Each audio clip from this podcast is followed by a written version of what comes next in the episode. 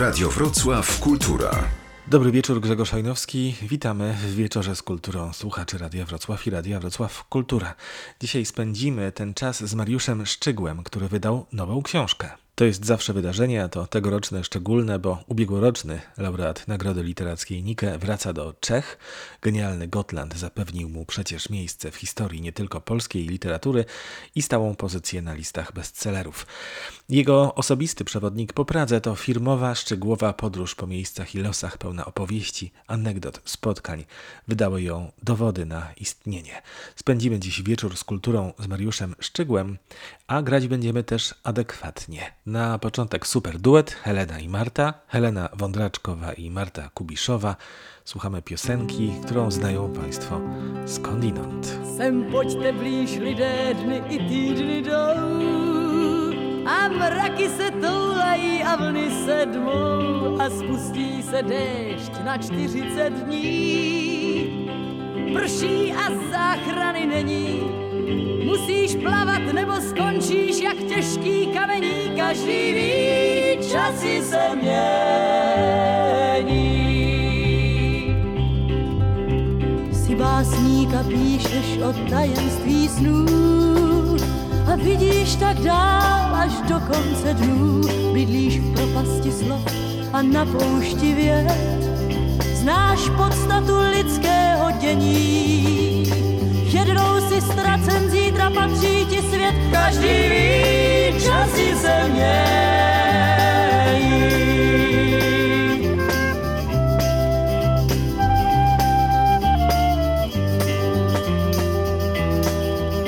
Jsi politik, jsi státník, jsi císař a stát. Víš, kolik je zemí, tak tolik je vlád. A kolik je států, tak tolik je měn. Znamenají mění. Ten, kdo je má, může být zítra okraden. Každý ví, časy se mění.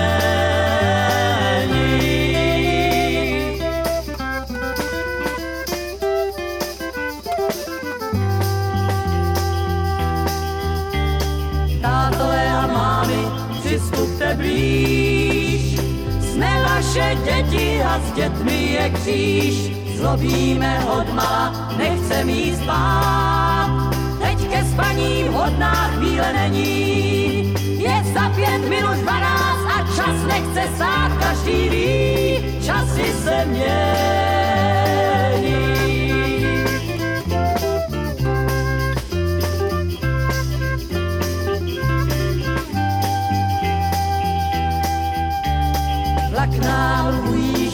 Možná poslední.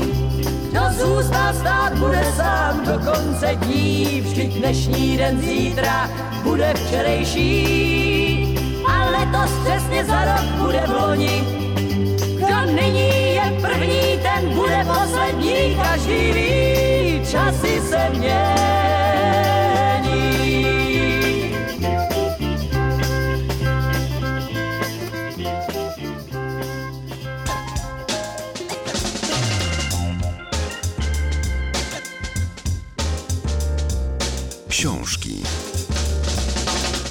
Czyste emocje. Gościem wieczoru z kulturą jest dzisiaj Mariusz Szczygieł. Dobry wieczór, panie Mariuszu. Dobry wieczór. Spotkaliśmy się jakieś półtora roku temu na targach książki we Wrocławiu.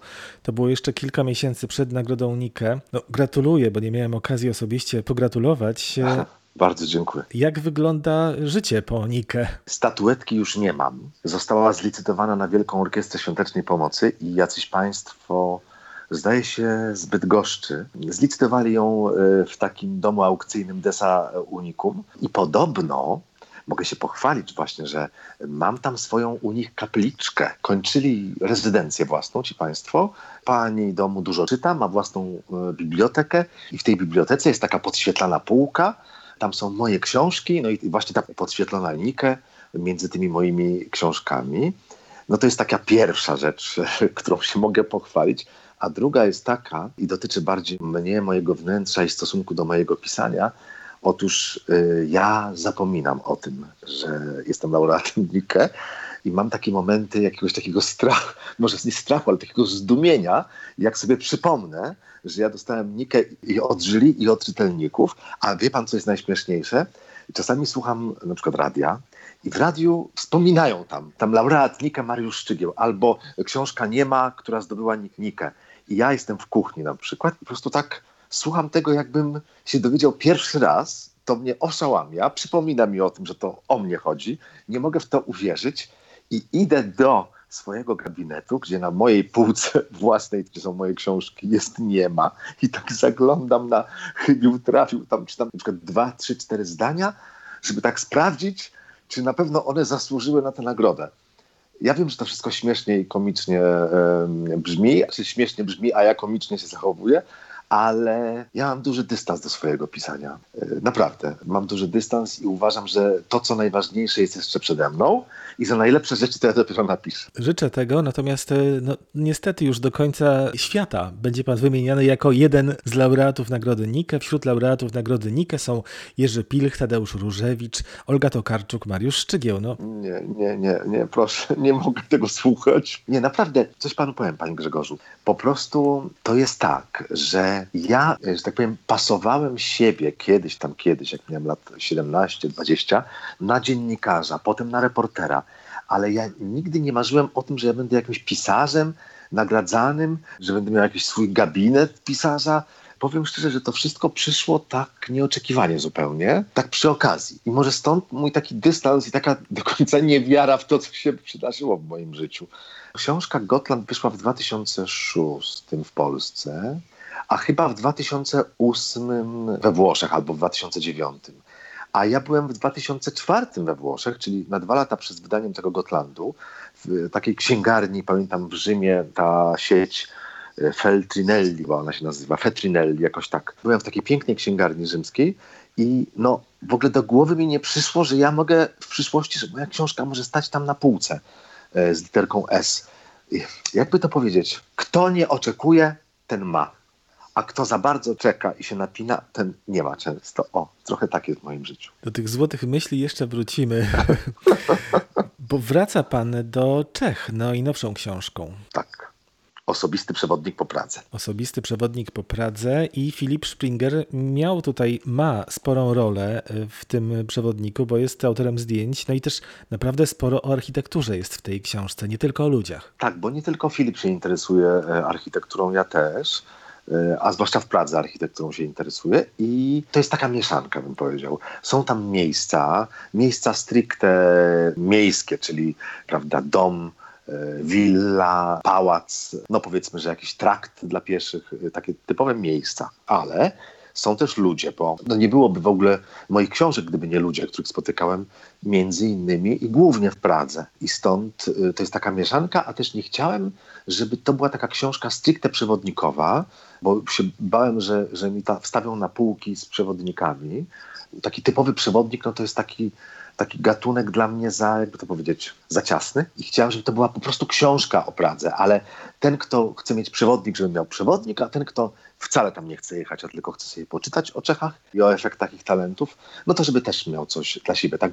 Więc jest to y, książka o miłości do, do miasta i do ludzi. Tak, rzeczywiście jest. Te pierwsze słowa tej książki, swoiste motto, każdy, kto jedzie do Pragi w kwietniu, maju, czerwcu, lipcu, sierpniu, grudniu, każdy, kto zwiedza Most Karola, Hradczany i Plac Staromiejski, kto wchodzi do restauracji w centrum, robi to na własną odpowiedzialność. I to jest Oczywiście. motto, i to jest motto, które dotyczy właśnie mnie, bo byłem w lipcu albo w sierpniu na Hradczanach w restauracji, jadłem najgorszą kaczkę w życiu. Mm, wyobrażam sobie. No i pana przewodnik jest takim impulsem do kolejnych kręgów praskiego wtajemniczenia. No, oczywiście, jeśli ktoś idzie pierwszy raz, to wiadomo, że te Hradczany powinien poznać. Poznać, nie mówię celowo zaliczyć. Most Karola także, ale one są tak przeludnione.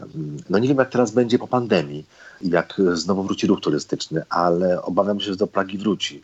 I to taki intensywny. Te rzeczy podstawowe trzeba zobaczyć. Natomiast to wszystko wzięło się z tego, cały ten pomysł na, na przewodnik, wziął się z tego, że bardzo wiele osób mnie właśnie prosiło o pana typy, panie Mariuszu, no ale to oczywiście nie Most Karola i nie Hradczanie, dobrze, dobrze. I tak dawałem te typy przez lata, ale potem już tych próśb, zwłaszcza przed długim weekendem majowym, przed wakacjami, było tak dużo, że nie wyrabiałem z odpowiedziami. Skopiowałem jakieś linki albo jakiś swój tekst, żeby tej osobie przesłać messengerem albo mailem. Gdzieś mi się to pogubiło, źle mi się kopiowało. No po prostu strasznie dużo pracy miałem takiej, żeby wyjść prawda, naprzeciw oczekiwaniom różnych moich czytelników, czytelniczek i myślę sobie, zaraz, ale dlaczego ja mam uprawiać tutaj tę działalność i się męczyć i, i, i ciągle się irytować nawet już?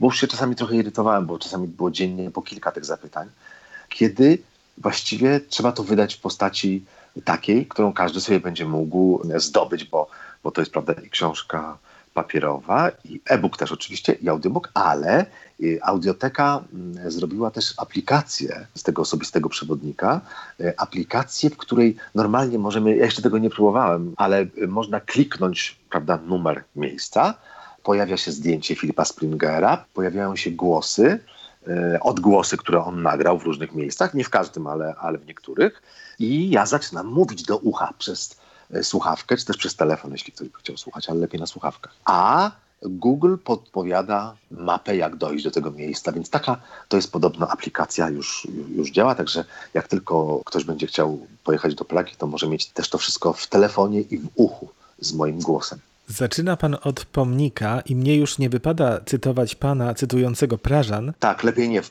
w państwowym radiu lepiej nie, bo to są brzydkie słowa. Użyję takiego sformułowania pomnika dwóch kochanków albo partnerów, tak. czyli dwóch całujących się mężczyzn. Ale to nie jest tak, że Czesi tacy progresywni, tylko to jest pomnik z czasów komunistycznych. Oczywiście, to jest taki też pomnik, był w Legnicy. Mieszkańcy Dolnego Śląska, a, a słuchacze Radia Wrocław na pewno kojarzą. Na Placu Słowiańskim, chyba już go nie ma, ale cały mój okres nauki w liceum ekonomicznym w Legnicy, a chodziłem właśnie do liceum tam na Placu Słowiańskim, no to z okien y, różnych sal widzieliśmy też pomnik takich dwóch panów, tylko że z dzieckiem. W Legnicy to był, no taki było progresywna para, bo to był żołnierz radziecki, żołnierz polski jeszcze z chłopczykiem. Ale a w Pradze to jest potężny żołnierz radziecki. Udało się ustalić nazwisko tego, który pozował, to był oficer NKWD. Wasilij Pruziniew się nazywał, a, a ten drugi to jest troszkę mniejszy, taki, taki bardziej subtelny, żołnierz czechosłowacki. No nie mógł być równy. Ten polski to jest równy temu radzieckiemu, temu czerwonoarmiście, a ten czechosłowacki to nie jest taki, to jest taki drobniejszy typ, który no po prostu, drodzy Państwo, wspina się jakby na tego większego żołnierza, wyższego, potężniejszego i go całuje. I to jest oczywiście pomnik braterstwo, czyli po czesku zbratrzeni, ale natychmiast Praga i czeska Trzewowa, bo to są dwa, w Pradze jest kopia, a oryginał jest w czeskiej Trzewowie. Czesi domalowali do tego swoją historię, znaczy y, alternatywną historię, taką w duchu LGBT. O, także od tego zaczynam, bo akurat to jest pomnik, który stoi przy dworcu głównym, przy Chlawni Nadraży. Ja myślę, że teraz częściej się będzie podróżować pociągami i samochodami niż samolotami, bo troszkę zmienia się, prawda, i stosunek do latania, i, i, i klimat. I nie wiadomo, czy te samoloty nie będą teraz bardzo drogie po pandemii, więc, znaczy bilety lotnicze, mm, więc, więc założyłem, że moja czytelniczka czy mój czytelnik wychodzą sobie z dworca głównego i właśnie pierwsze, co ich tam wita, to jest ten pomnik braterstwa właśnie. Te męskie pocałunki, one stały się emblematem sekretarzy władz e, naszych bratnich krajów tak, kiedyś. Tak. Breżniew lubił się całować tak, bardzo. Tak. Ja się zastanawiam przy tej okazji, czy Czesi są dziś narodem całuśnym, wyjąwszy oczywiście czas pandemii, czy raczej nie? No tak, muszę powiedzieć, że jak przyjechałem tam 20 lat temu po raz pierwszy, bo to właśnie dokładnie ta książka wyszła w dwudziestolecie moich, moich tam wyjazdów, zauważyłem, że w wielu miejscach pary się całują i potem pamiętam, że kilka razy robiłem materiał y, reporterski z Pragi i przyjeżdżali do mnie fotografowie, a właśnie fotoreporterzy. I fotoreporterzy, którzy robili zdjęcia do moich tekstów, prawie każdy, chyba było czterech ze mną tam czy pięciu, i prawie każdy zauważył, słuchaj, tutaj wszędzie się ludzie bez zażenowania całują, młodzi głównie. Y, no rzeczywiście tak, y, całują się, choć nie ma tego, co się już u nas y, pojawiło od lat, tego zwyczaju, który jest prawda, we Włoszech, czy w Hiszpanii, czy we Francji, że ludzie się całują, może nie tak wprost, że się całują w usta, ale prawda, imitują y, taki gest pocałunku na powitanie. Nawet jak się, we Włoszech, prawda, jak kogoś poznam, y, mam przyjaciółkę Federikę w Viareggio w Toskanii, no i ona mnie skądś poznaje, ciao, ciao, Loria, Mariusz, Ricardo, Mariusz i ja pierwszy raz widzę tego Ricarda i, te, i, i tę Lorię, jakby całujemy się, prawda? To tego w Czechach nie ma. Całują się pary, nam się może to wydać ostentacyjne, ale e, w Pradze jakoś jest to przyjmowane zupełnie naturalnie. Natomiast nie całują się Czesi tak chętnie, kiedy się poznają lub kiedy się witają. Ja już jakoś tak przejąłem te zwyczaje e, włosko-hiszpańsko-polskie albo warszawskie, bo nie wiem jak to jest we Wrocławiu. Może wy się nie całujecie tam tak, e, jak się witacie. Ale bardzo często, kiedy widzę na przykład moją koleżankę jakąś i o to może być nawet daleka moja koleżanka, tutaj w Warszawie, to z nią właśnie tak się tam przytulamy do siebie, jakbyśmy się całowali. No to to y, trzeba w Czechach zasłużyć na to. Trzeba rzeczywiście zasłużyć, trzeba poznać tę osobę. Czesi, y, mimo że my y, takich postrzegamy jako takich luzaków, takich ludzi, którzy się nie napinają, i tak jest, rzeczywiście, w dużej części tak jest, Natomiast na początku są tacy, to się po czesku mówi, zdrzęliwi, wstrzemięźliwi. Trzeba jakoś się zaprzyjaźnić, zdobyć zaufanie i już wtedy naprawdę można, można się poczuć dobrze. Spod tego dworca, spod tego pomnika jedzie pan taksówką z takim pewnym taksówkarzem praskim. Tak. I z jego inspiracji, tam oczywiście nie będziemy opowiadać wszystkich anegdot z tej książki, ale z jego inspiracji czyta pan Masaryka. Tak. Nieprzyjaciel czuje większy strach przed narodem, który sam siebie krytykuje. Niezwykła myśl, w kontekście także polskim. Tak, bo ten, który sam siebie krytykuje, jest silniejszy według Masaryka.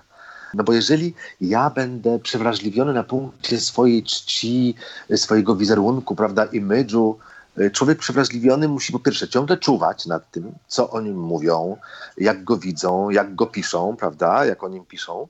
Natomiast człowiek, który umie sam siebie e, krytykować, sam siebie się śmiać, no ma lepiej chyba to Masaryk mówił o narodzie, ale muszę powiedzieć, że ja to widzę u wielu Czechów, taką autoironię, dystans do siebie, wypuszczanie powietrza, unikanie takiego wysokiego C. Nie wiem, e, jeśli ktoś czytał taki tekst mój w książce Zrób sobie raj o Halinie Pawlowskiej, to jest taka jedna z najgrubszych Czeszek, ale bardzo znana, bo jest i pisarką i prowadziła talk show przez całe lata.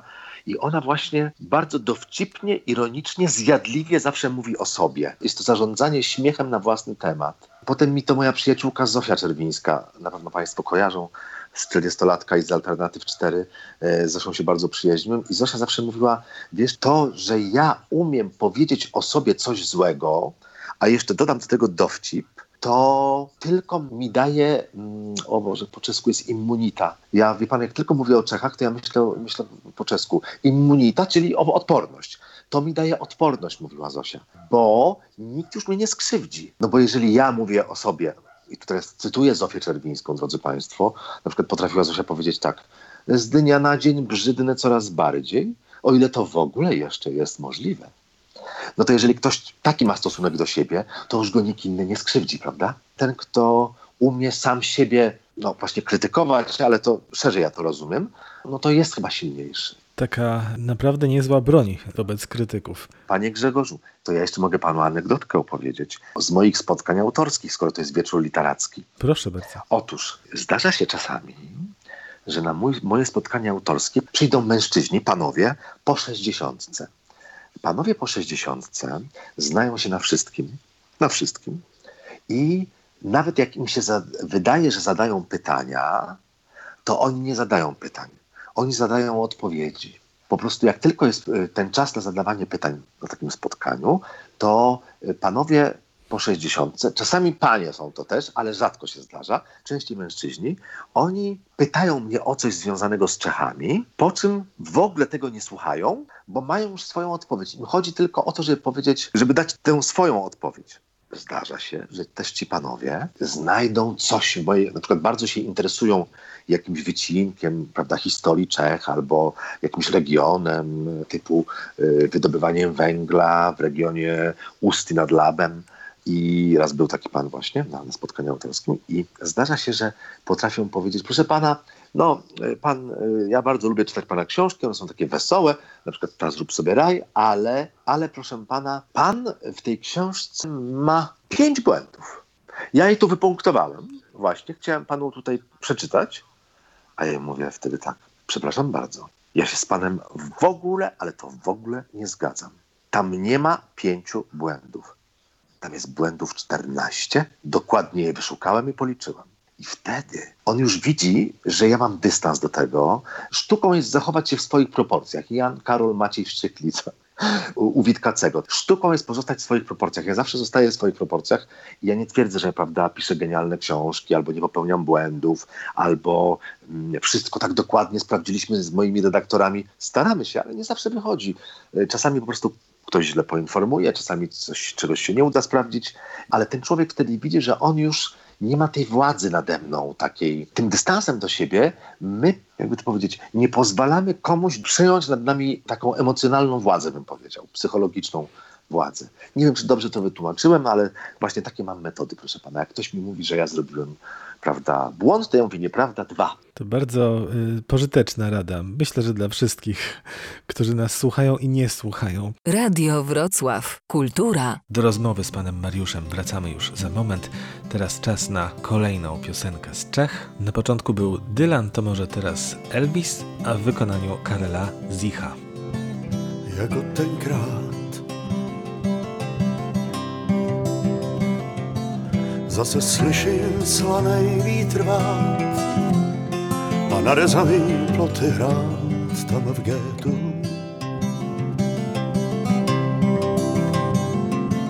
Jako tenkrát svý mámy slyším tichý hlas, jak pohádko mi šeptá zas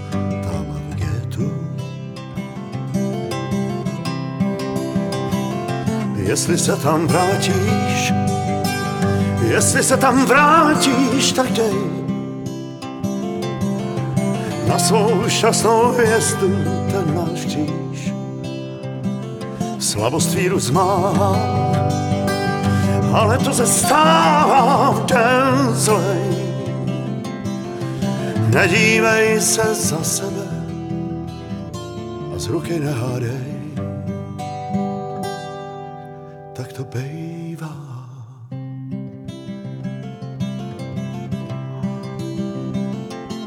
Že nechutná ti chleba jíst a umírá jsem na závist gétu.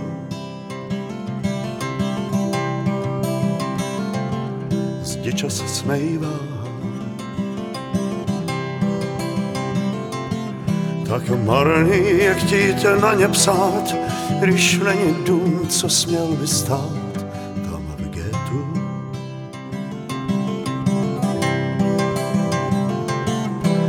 Každý žijem ve svém getu se svou pravdou sám. Jen hudba zní, když poslední čas na prach se promění.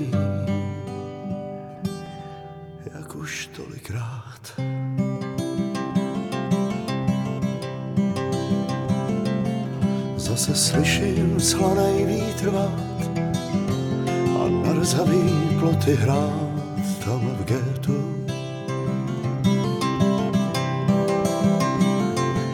Jako tenkrát svý mámy slyším tichý hlas, jak pohádku mi šeptá zas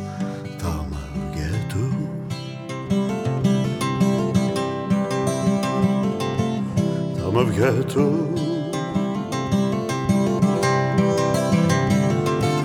Tam.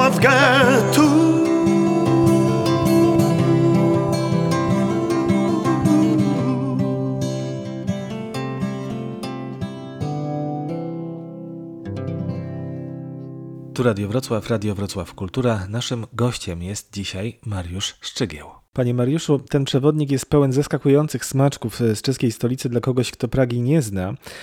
E, no jest na przykład, e, nie wiem, ta tablica upamiętniająca kobiety upadłe. Niezwykła też historia. Czy pana, eksperta i bywalca, czymś Praga Czechy i Czesi potrafią jeszcze zaskoczyć? No wie pan, że ta tablica, tablica na cześć upadłych kobiet, to ona mnie zaskoczyła, dlatego że ja ją odkryłem bardzo późno. Ja ją odkryłem jakieś ze dwa lata temu. Ona jest tam długo, długo już. I przechodziłem wielokrotnie tą ulicą Perlową, bo właśnie panie lekkich obyczajów y, wystawały zawsze, znaczy najczęściej na ulicy Perlowej. No to jest między Starym a Nowym Miastem. Czule nazywają Prażanie tę ulicę Perlowką, Perlowka, y, na Perlowce, żeny na Perlowce powiedzenie w Pradze, oczywiście no, to dla jakiś głupi żart, ale słyszałem takie głupie żarty.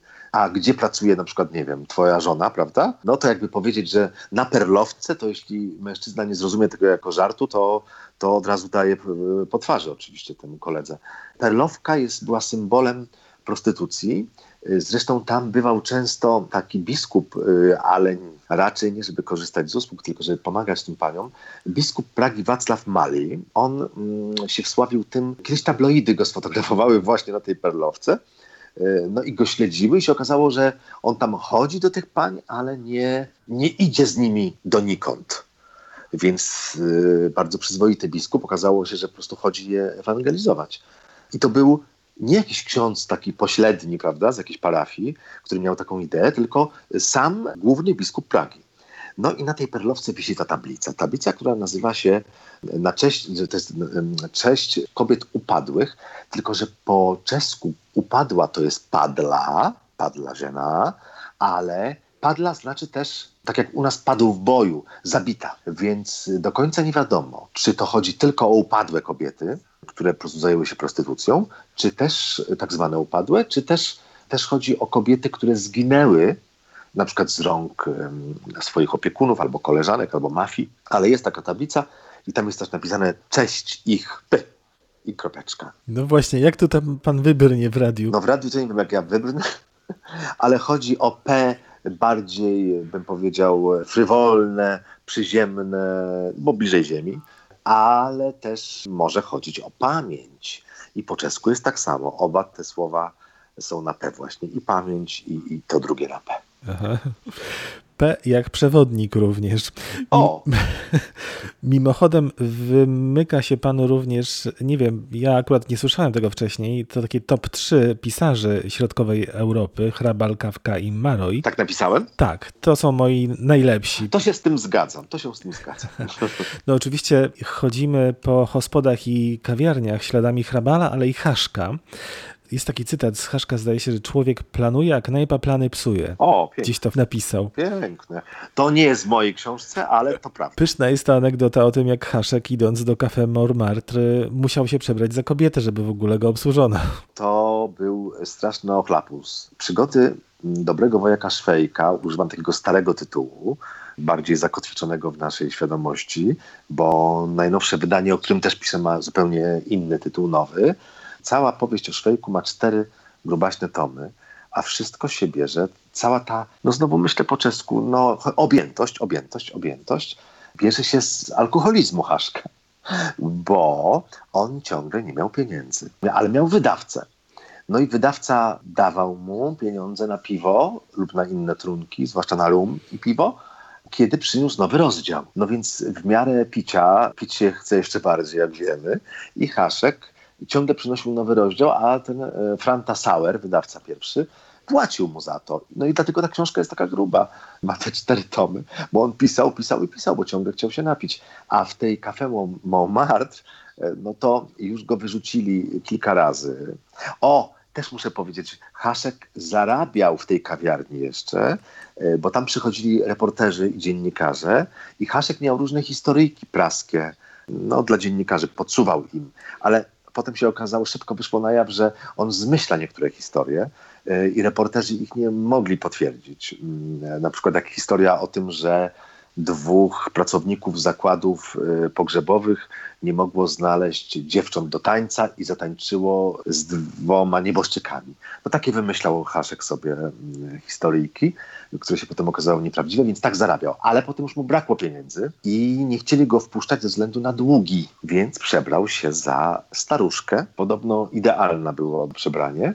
Y, No więc weszła taka starsza pani, usiadła do stołu, spytano ją, co chce, zaczęła jeść i pić, trochę za dużo wy- wypiła. No wszyscy sądzili, że raczej jest wypłacalna, ale jak za dużo wypiła, to zaczęła się odzywać. No i rozpoznano Haszka po głosie.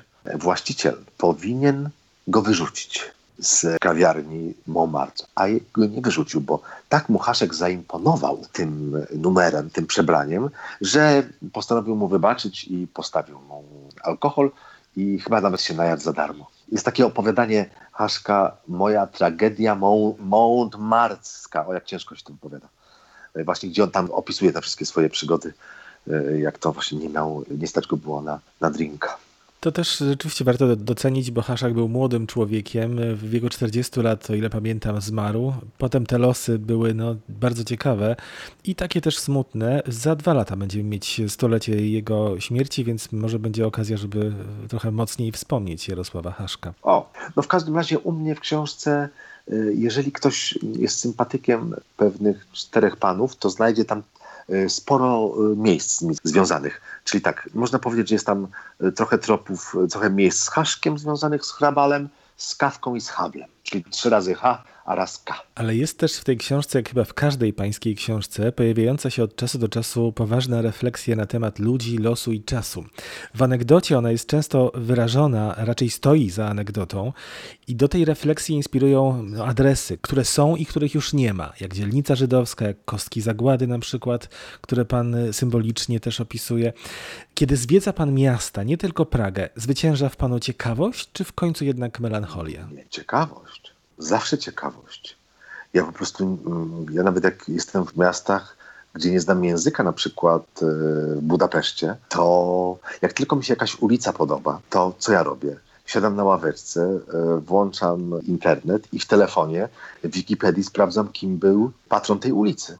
Zawsze ciekawość. Znaczy, oczywiście ciekawość, nie ciekawskość. Ciekawość, chyba kiedy ją stracę, to już mogę się położyć do trumny, tak mi się wydaje to jest, ja muszę panu powiedzieć, że to jest tak, że ja coś czytam, że bardzo długo czytam e, książki, bo ciągle coś sprawdzam, ciągle coś w tych książkach mnie fascynuje, ciągle coś mnie interesuje i zaraz sprawdzam, zaraz sprawdzam następną rzecz, zaraz następną. Więc kupiłem sobie na przykład fi- filmy Bergmana, bo uznałem, że pandemia, znaczy ta kwarantanna nasza, to jest taki czas, w którym ja muszę skończyć jakiś taki maleńki wydział swojego prywatnego uniwersytetu. Ja sobie robię takie uniwersytety sam dla siebie takie wydziały tworzę. Czyli, że przez jakiś czas poznaję twórczość jednej osoby, żeby o niej wiedzieć po prostu. I teraz na przykład kupiłem sobie e, 11 filmów, taki box z filmami Bergmana, a z Bergmana byłem słaby, bo znałem tylko dwa filmy. Bardzo drogie, drogie są te boksy, ale tak wyszukałem, że udało mi się kupić taki tańszy. 11 filmów Bergmana. Tylko obejrzałem, przypomniałem sobie siódmą pieczęć i pomyślałem sobie, nie, to nie ma sensu, tylko tak jałowo oglądać te filmy. I co? Od razu zwyciężyła ciekawość. Co Bergman mówi o tych filmach? Co piszą o tych filmach na świecie? Natychmiast zamówiłem książki. Dwie książki Bergmana o nim i o jego twórczości. Trzy książki o Bergmanie i oczywiście tak oglądam te filmy. Już jestem, siedem już mam za sobą, jeszcze mi zostały cztery. Bo tak nie oglądam codziennie, tylko tak co kilka dni, żeby czasami raz na tydzień tylko, y, żeby mi się to bardziej utrwaliło. I od razu sprawdzam, czytam, y, widzę aktorów, prawda? Czytam o tych aktorach. No tak już mam, że u mnie jedna rzecz pociąga za sobą drugą. Czasami to trwa do czwartej nad ranem, a potem rano muszę wstać, bo mam inne obowiązki. Ale, ale ciekawość przede wszystkim. Ja sobie w ogóle myślę, jak pan powiedział o tych refleksjach takich o życiu, ja sobie myślę, ja jestem niewierzący, y, przynajmniej jestem niewierzący w tej formule judeo-chrześcijańskiej. A często niewierzących pytają wierzący, no to jaki, masz, jaki jest sens twojego życia? To po co żyjesz? No sens jest taki, żeby dobrą drogą dojść do śmierci. A, a po co żyję? No właśnie. Chyba, żeby jak najwięcej zrozumieć. Bo mi się wydaje, że im więcej zrozumiem, tym to życie może będzie lżejsze, tak się łudzę ale właśnie jak najwięcej zrozumieć. I stąd się bierze ta moja ciekawość, że jak pan zobaczył tutaj obok mojej kanapy, ile tu jest gazet, książek, y, jak ciężko mi się tu czasami przedrzeć przez ten mój gabinet. Co chwilę coś dodaję, co chwilę coś, jeszcze coś, jeszcze coś, jeszcze coś, jeszcze coś. Jeszcze coś. No chyba najgorzej będzie, jak ja już y, się stanę tym 60-letnim panem, co to na spotkaniach z Mariuszem Szczygłem zadaje, nie zadaje pytań, tylko zadaje odpowiedzi. To takim, kimś takim nie chcę być. Chciałbym być ciągle, ciągle ciekawy. No i muszę powiedzieć, że na przykład Hanna Kral taka jest. Hanna Kral skończyła niedawno 85 lat, mm, właśnie miała urodziny w maju i ciągle jest zaciekawiona i ciągle mnie pyta na przykład, panie Mariuszu, co pan teraz czyta? Co pan teraz czyta? Co ważnego trzeba przeczytać? No to jest fantastyczne po prostu, to jest fantastyczne. Opowiadałem pani Hani kilka dni temu, że widziałem taki billboard jeden, już nieważne co na tym billboardzie, ale taki jeden billboard. Dlaczego mi pan go nie przysłał? Nie przysłał mi pan zdjęcia i to, to jest coś fantastycznego. Jak już człowieka nic nie ciekawi, to naprawdę mm, mogiła. No. Fantastyczne są, piękne są te uniwersytety, rzeczywiście, panie docencie, od y, Bergmana. Docent domowy. Ja jestem docentem domowym. To zapraszamy do Legnicy, ponieważ tutaj przed pandemią odbyła się premiera Fany i Aleksandra w Teatrze Modrzejewskiej. Bardzo chwalone przedstawienie. Jako spektakl? Tak, jako spektakl. Taki O, trochę wędrujemy po teatrze, także no, tylko czekamy, aż to znowu wejdzie na, na deski, na afisz. Ja sam nie widziałem tego spektaklu, nie miałem okazji. A to moglibyśmy... Mogliśmy się ja spotkać, przyjechał do no Wrocławia, byśmy pojechali do Legnicy. A pan prowadzi samochód? Tak, tak. O, bo ja nie prowadzę samochodu, nie mam prawa No jazdy. to umawiamy się. Moglibyśmy pojechać razem. No to ja jestem chętny. Słuchacze poznają opinię Mariusza Szczygła o Fany i Aleksander, docenta Szczygła o Fany i Aleksander. Ale to świetnie, bo ja tak, do tego czasu jak oni wznowią, tak się umówmy, do tego czasu jak oni wznowią w Legnicy, to ja już sobie całego tego Bergmana wchłonę, będę miał jakieś zdanie, chętnie zobaczę i możemy potem nawet pogadać sobie o tym y, na antenie. Wieczór z Radiem Wrocław. Kultura. Na jeszcze jedną część rozmowy z Mariuszem Szczygłem o książce Osobisty Przewodnik po Pradze zapraszam Państwa za kilka minut. To teraz e, odejdziemy od czeskiej playlisty, teraz będzie koreańska, bo zespół nazywa się SBGB, ale piosenka absolutnie w temacie naszej audycji. Piosenka pod tytułem Praha. 어둠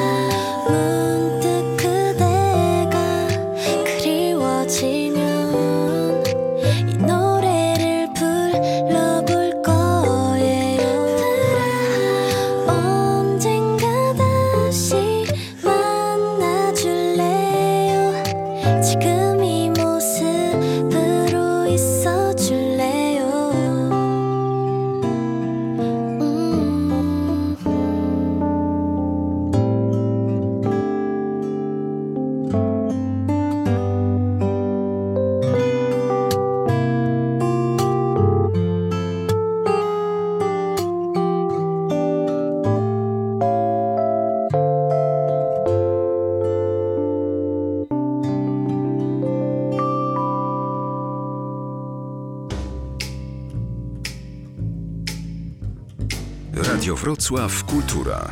To jeszcze na chwilę do Pragi chciałbym wrócić. E, Ta Praga stara, historyczna, ta Praga oczywiście wiadomo, że przyciąga i potrafi fascynować, a ta Praga nowa, nowoczesna, XXI wieku istnieje, jest godna uwagi. Co jest jej symbolem? Ha, niekoniecznie. Jest taka wyspa na Wełtawie, gdzie są nowe budowle, ale czy one są ciekawe? Nie. No, może na miarę XXI wieku jest rzeźba Dawida Czernego, głowa, głowa kawki, która w centrum, niedaleko Alei Narodowej i ulicy Spalenej, na, na podwórzu za, za domem handlowym, za galerią handlową, jest ta głowa, która jest poruszana, może być sterowana ze smartfona Dawida Czernego, czyli twórcy tej głowy. Ona tak y, się rozczłonkowuje jakby, ma takie płaszczyzny różne i te płaszczyzny się rozjeżdżają, tak jak czasami to bywa z naszą głową, że mam wrażenie, że nam się rozjechał na wszystkie strony i nie możemy się pozbierać. A potem właśnie ta głowa się zbiera jakby tak, że te płaszczyzny usiłują się tak poruszyć, że jakby się siebie tak nawoływały, żeby stworzyć znowu głowę. To jest coś fant- fantastyczny spektakl. Świetnie to zrobił Czerny. To jest na prywatnym podwórku, na prywatnym terenie. I to jest takie dwudziestojednowieczne. Ale tak, żeby coś było takim symbolem XXI wieku, to nie wiem, bo no są oczywiście dzielnice bloków, ale, ale znowu Czesi nie budują wieżowców wielkich w Pradze. Ten XXI wiek to jest w drobiazgach. O, drugi drobiazg, taki, który jest na miarę XXI wieku i ja go nawet opisuję, bo to jest najnowsze dzieło Dawida Czernego. Trifot się nazywa. To jest z takiej książki science fiction, nie pamiętam w tej chwili autora. I ten Trifot to jest taka postać, mm, to jest właściwie pomnik, rzeźba interaktywna. Ona jest zaopatrzona w mnóstwo aparatów fotograficznych, tak jakby taki smok wielogłowy albo wielooki, ale zamiast głowy czy oka to są aparaty fotograficzne, takie kamery. Te kamery śledzą ludzi, którzy podchodzą pod ten pomnik, yy, raczej pod to dzieło. I na ekranach, które są tam, można zobaczyć siebie i mieć jakby podgląd tego oglądu, yy, jak nas widzi ten, ten sztuczny twór. Yy, To też w przewodniku opisałem. Także chyba jeśli chodzi o XXI wiek, to raczej te drobiazgi, no bo tak, centrum Pragi jest ściśle zabudowane i trudno tam wstawić jakąś nową rzecz, chociaż zdarzają się, na Wacławskim Namiestnie nieda- jakieś kilka lat temu powstało, e, powstał budynek, ale bardzo dobrze wkomponowany. Czesi raczej, raczej umieją to robić i się dosyć, bym powiedział, mimo korupcji, jaka tam w tym kraju panuje dosyć dużej, oni nas wyprzedzają nas w ogóle, jeśli chodzi o korupcję, to muszę powiedzieć, że nawet jeśli poprzez korupcję, tak zakładam, coś się im udaje wcisnąć jeszcze w starą tkankę Pragi, prawda, jakiś tam plom, beplombusie, jakąś nową, czy jakąś nadbudówkę, to potrafią to zrobić z gustem. Mają respekt, mają respekt do historii i mają respekt do, do dominującego stylu, czy do dominującej zasady, prawda, architektonicznej, jaka jest na, na tej ulicy. To trochę tak jak w Paryżu, jak powstaje nowa ulica, to ten drugi dom stara się być podobny do tego pierwszego. W jakiś sposób nawiązywać do tego pierwszego, a trzeci do tego drugiego. I Czesi mają to samo. Niby my, Polacy, mamy taką, takie umiłowanie historii i że ciągle y, tkwimy w przeszłości, ale y, jak tam potem się przyjrzeć tak w szczegółach, to nie wychodzą nam różne rzeczy. A oni może tak za bardzo nie pływają w tej historii, nie, nie, nie nurzają się w niej, niemniej mają respekt do tego, co było. O, tak bym powiedział. Dlatego Praga nie została zeszpecona. Oczywiście tak, jakieś domy nieatrakcyjne, y, czy domy bardzo stare, ale bez wartości zabytkowej, y, w Pradze zburzono, czy tam zawalały się, ale to, co powstało, jest w miarę, takie bym powiedział, kompatybilne, więc, y, więc tutaj to widać, jak się chodzi po mieście. Tego się też można nauczyć od Czechów. Natomiast od Mariusza Szczygła można nauczyć się bardzo takiej życiowej frazy. Znalazłem taką w pańskiej książce. W momencie, kiedy spotyka pan Blankę Matragi, pisze pan w tym rozdziale: Unoszenie się honorem sprawia, że tracimy z życia najcenniejsze kąski. I pan się wtedy nie uniósł honorem i rzeczywiście poznał pan, e, nie wiem czy ciekawą osobę, natomiast jedną z takich emblematycznych osób e, tej nowej, nowych Czech. No, drodzy Państwo, bo to jest tak, jak nas ktoś zdenerwuje, albo nas ktoś obrazi, no to się właśnie unosimy honorem. Prawda? Powiem, przepraszam, przepraszam Państwa, żegnam. Prawda? Opuszczamy towarzystwo. No tak, tak, tak się robi. Ale ja, reporter, nie mogę tak robić, bo nawet jak mnie ktoś obrazi, to już to jest dla mnie ciekawe, dlaczego on mnie właśnie obraża. Jakie są źródła tego, że mnie obraża? Skąd to się mu bierze? Mnie to ciekawi po prostu. A jeśli jest ktoś, kto no jakoś tam, prawda, mnie lekceważy, jak, jak pani Blanka w pierwszych y, minutach naszej znajomości, no to oczywiście mogłem się poczuć urażony i powiedzieć, przepraszam, ale coś mi się przypomniało i, i sobie, prawda, opuścić to towarzystwo. A ja pomyślałem, nie, nie, nie, nie, nie mogę się unosić honorem. Ona mnie lekceważy, ale widzę, że jest to po prostu motyl. To jest barwny motyl, to jest ktoś niepośredni. Owszem, może mnie obrażać, ale jest dla mnie ciekawa jako y, osoba, jako temat. Więc reporter, ja to też mówię w naszej sz- szkole reportażu, gdzie wykładam w Polskiej Szkole Reportażu, te- też zawsze mówię studentkom i studentom, że no, my nie możemy się obrażać. My zbieramy materiał. I nawet jeśli nas ktoś obraża, to dla nas to jest materiał. Jak pan widzi, zrobiłem z tego mm, tam jakiś rozdziałik, prawda? O tym, jak zlekceważyła mnie Blanka Matragi, ale ja się zlekceważyć nie dałem. No i y, piszecie wspólnie książkę. No nie, nie, nie, nie piszemy. To jest projektantka mody, która jest y, dosyć popularna nad Zatoką Perską, Czeszka, która e, projektuje dla księżniczek arabskich i oczywiście kiedy się już zorientowała, że ja nie jestem po prostu zwyczajnym kolegą e, jej znajomego, tylko że napisałem w jej pojęciu książkę Gotland bestseller, jak się wyrażała. W Czechach rzeczywiście Gotland był bestsellerem. Y, No to jak się zorientowała, że jestem autorem bestselleru, a on bestsellera czy bestselleru? Profesor Miodek mówi, że on nie wchodzi w dyskusję co do dopełniacza męskiego. No to ja też nie wchodzę do domu męskiego, dobrze, to uznajmy, że dobrze powiedziałem. Ona od razu, ponieważ też pisze bestsellery o swoim życiu i o księżniczkach z nad Zatoki Perskiej, więc stwierdziła, że razem możemy napisać książkę o tym, jak bestseller spotkał bestseller. Bardzo mi się podoba też myśl czeskich modernistów z 1895 roku z manifestu, którą pan e, czyta i przytacza. Żądamy od artystów bądź sobą, a będziesz czeski. Jest to wspaniałe po prostu. O, panie Grzegorzu, naprawdę pan ma u mnie plusa. Dlatego, że ja byłem przekonany, że ja wypisuję to w tym rozdziale o kubizmie czeskim i o tym takim fermencie, fermencie lat nastych XX wieku w Pradze, że to mało kto przeczyta ten że on jest tylko taki, taki dla fachowców. A już jak zakończyłem tymi, y, tymi zdaniami z manifestu artystycznego, to pomyślałem sobie, a tu pewnie nikt nie dojdzie do tego. A pan nawet zapamiętał jedno z tych zdań, że bądź sobą, a będziesz czeski. Bardzo doceniam to, że pan to przeczytał i sobie tam zaznaczył. Im o to chodziło. Im o to chodziło, żeby y, wzbudzić w Czechach miłość do swojego języka, doprowadzić do jego renesansu, e, stworzyć coś, co jest, co jest typowo czeskie. Mało kto z nas wie, że narodowym stylem czeskim, a właściwie dokładnie czechosłowackim po 18 roku, to jest styl, który wziął się z kubizmu francuskiego.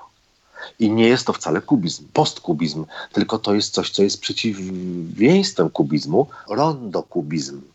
E, Czescy architekci, czescy myśliciele, czescy humaniści postawili na rondokubizm, czyli formy okrągłe. Tam, gdzie kubizm miał formy kanciaste, to oni okrągłe, czyli po prostu dodają jakieś walce, jak ja to mówię, na swój użytek, rondle, dodali do trójkątów rondle. I jest kilka takich obiektów rondokubistycznych w Pradze, więc ja tam wspominam o niektórych. Ale właśnie wracając, bądź sobą, a będziesz czeski. To jest taki, taki czas, kiedy dwudziestolecie międzywojenne to jest czas fantastycznej czeskiej awangardy, ale naprawdę we wszystkim, y, gdzie oni w taki sposób twórczy przekształcali te światowe trendy.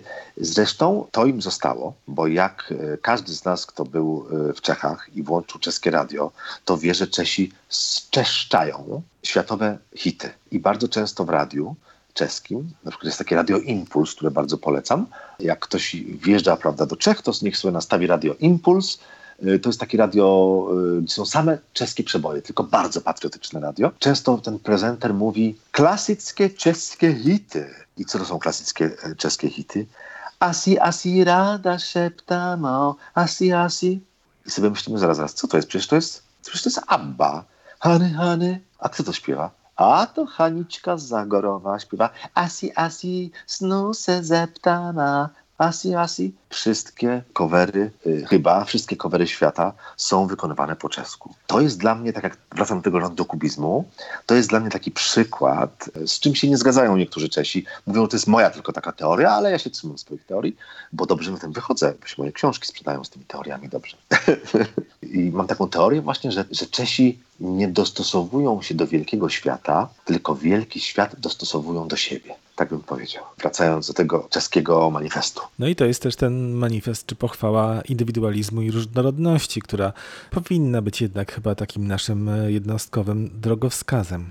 Panie Mariuszu, pan docenił moją lekturę e, osobistego przewodnika po Pradze. Ja doceniam to, że poświęcił nam pan tyle czasu i zechciał spędzić ten wieczór z kulturą z nami, z Radiem Wrocław, Radiem Wrocław Kultura. Czyli, drodzy Państwo, słyszymy się w audycji o Bergmanie, tak? Tak jest. I, i Fany i Aleksander w Legnicy. Tak, dobrze. I być może to już będzie w studio. Ja bym marzył, żeby to już było w studio. Ja też, ja też. Zapraszam. Dziękuję pięknie i życzę dobrej nocy.